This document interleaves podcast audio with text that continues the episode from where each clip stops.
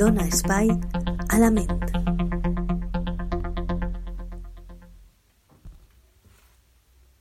Hola a tots i totes. Benvinguts una setmana més a Dona Espai a la Ment.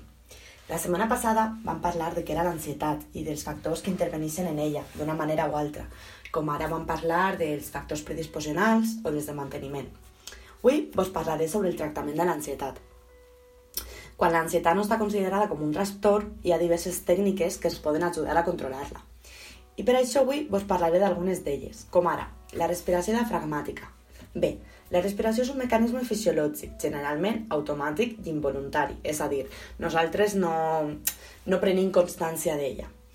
I aquesta respiració es modifica quan ens sentim o actuem de determinades maneres, és a dir, per exemple, la respiració augmenta la seva freqüència d'intensitat quan estem fent esport, d'exercici o quan sentim ansietat i disminueix i es torna més diafragmàtica quan estem relaxats, per exemple, a l'hora de dormir. També ocorre al revés. Si aprenem a respirar de forma diafragmàtica i lenta, pot ajudar-nos a relaxar-nos i a controlar l'ansietat. Jo vaig a donar-vos unes pautes per aprendre a practicar esta respiració diafragmàtica. Bé, per aprendre la respiració diafragmàtica, en primer lloc, eh, cal posar-se una mà en el pit i l'altra sobre l'estómac per estar segur de que portem l'aire a la part de baix de, dels pulmons, és a dir, a la part més de l'estómac, sense moure el pit. És recomanable, o almenys jo vos recomane, que les primeres vegades que intenteu practicar aquesta respiració ho faigueu tombats bé a terra, al llit o al sofà i vos poseu un llibre o una revista damunt del pit per a què serveix això? Per a practicar el llevar l'aire a l'estómac i que el pit no es menege.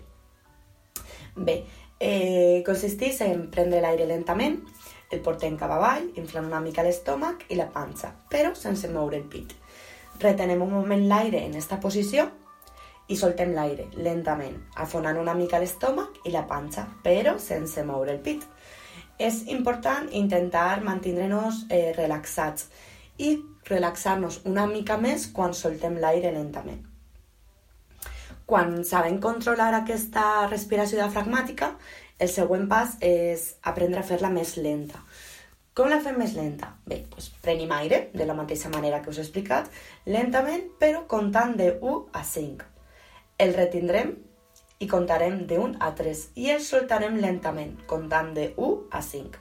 D'aquesta manera, la respiració es forma de, en, eh, la dividim en tres fases.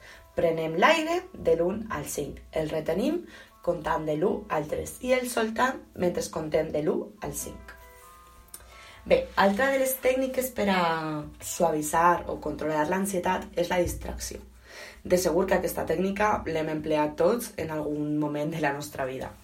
La distracció eh, pot resultar-nos molt útil en el manejo del pànic, de la por, de, de l'estrès, de, de que, que no ens agrada. Eh, per si anem passejant pel carrer i ja comencem a sentir una mica d'ansietat o de pànic, o estem en els amics o en alguna persona, ens pot ajudar eh, posar-nos a parlar amb algú, cantar, o, per exemple, si anem pel carrer, sumar els números de les matrícules dels cotxes que, que trobem o mirar els escaparats de les tendes. És molt important que quan passa aquesta situació ens plantegem si en aquestes tècniques de, la dis de distracció el pànic o l'ansietat ha disminuït o, desapa o ha desapareix. Per què? Perquè això eh, ens, ens dona la prova de que eh, si les sensacions que tenim de por, pànic, angoixa eh, foren un senyal d'una malaltia física o mental, no desapareixeríem amb la distracció. Doncs, si la practiquem i desapareixen, és que no tenim cap malaltia i podem oblidar de, de la nostra ment aquests pensaments recurrents de això que em passa és perquè no estic bé, eh, tinc una enfermetat o què me passarà per a sentir-me així. Bé? Eh, és molt important que practiquem amb, fe, amb freqüència eh, entrar eh, o centrar la nostra atenció en les sensacions internes. Per exemple, el bacte, els batecs del cor, o com vos dia quan vos vaig parlar del post de l'estrès, quan anem caminant pel carrer sentir com l'aire mou la nostra, el nostre cabell o, o com ens toca les galtes.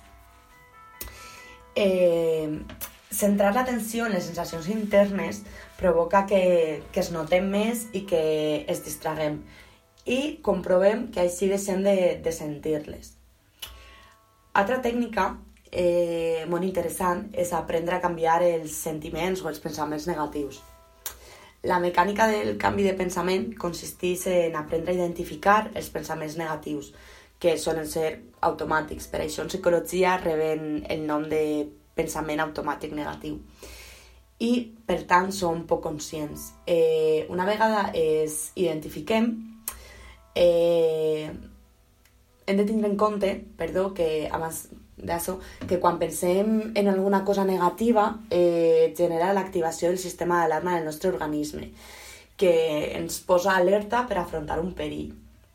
Per exemple, el cor bateja més ràpid, eh, preparant-se per a la resposta de confrontació o fugida. Què passa? Que això genera sensacions en l'organisme que generen també pensaments negatius. Entonces, què, què fem per a canviar-los? Pues, com vos he dit, el més important és identificar-los i, mmm, des de la meva experiència, escriure'ls. Bé, què passa si escrivim un pensament? Que el fem... Pues si escrivim un pensament, el fem... no és que el faiguem més real, és que som conscients d'aquest pensament. Doncs l'escrivim i al costat escriurem el, el pensament racional, realista i positiu és a dir, cada vegada que em vinga a la ment el no puc fer-ho, jo escriuré el sí puc fer-ho. D'aquesta manera, eh, quan ens vinga a la ment aquest pensament negatiu, automàticament ens vendrà també el positiu, de sí puc, sí puc enfrontar-me a aquesta situació, o sí puc superar això, o sí que puc anar a tal lloc, d'acord? Bé, aquestes són algunes de les tècniques, però n'hi ha moltíssimes. Eh, que podeu trobar a internet. Això sí, cal saber buscar, no, no es fixeu en el primer enllaç de Google que apareix, val? També hi ha moltíssims llibres molt interessants, molt, molt útils per a, per a poder eh, aprendre a controlar l'ansietat. Però el tractament de l'ansietat depèn del tipus d'ansietat que tenim ja que pot ser un trastorn, com ara el trastorn d'ansietat generalitzada, d'ansietat social, agorafòbia, o simplement un episodi d'ansietat en un moment determinat de la nostra vida.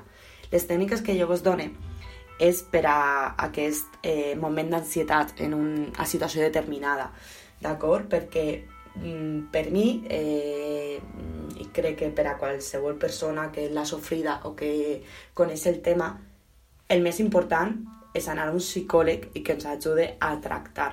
Sobretot, més que a tractar, és a reconèixer el problema, el per què sorgeix aquesta ansietat perquè sempre té una causa, encara que el que més costa és reconèixer-la. Bé, normalment els tractaments centrats en, en l'ansietat inclouen aspectes relacionats amb la recuperació de la salut, si és que s'ha perdut, o aspectes relacionats amb la prevenció i el desenvolupament personal del pacient, que tenen que veure en què li passa. Jo vull parlar-vos de, la, de la psicoteràpia com a solució de l'ansietat, que és quan es converteix en un trastorn que no poden controlar i ens ajuda a entendre-la i per què ocorreix, com us he dit. És mm, el conegut com a teràpia de parla o assessorament psicològic, és a dir, anar al psicòleg. Eh, la, eh, la psicoteràpia inclou el treball amb un terapeuta per a reduir els símptomes d'ansietat. Pot ser, des del meu punt de vista, és un tractament eficaç per a l'ansietat. La teràpia cognitiva conductual és la manera més eficaç de la psicoteràpia per a tractar els trastorns d'ansietat és un tractament a, a curt plaç que s'enfoca a ensenyar-te tècniques específiques per a millorar els teus símptomes i poder gradualment tornar a les, a les activitats que, que, que solíem evitar com a conseqüència de l'ansietat. Eh, aquesta teràpia inclou la teràpia d'exposició, en la qual gradualment trobem l'objecte de la situació que ens provoca la teva ansietat, de manera que desenvolupes confiança per a controlar la situació i els símptomes de la mateixa. És a dir, mmm, qui té por o li produeix ansietat, vaig a posar un exemple molt, que no té res a veure, o sea, té a veure però no, no té per què ser així. Eh, l'exemple d'una persona que té por de, de pujar a.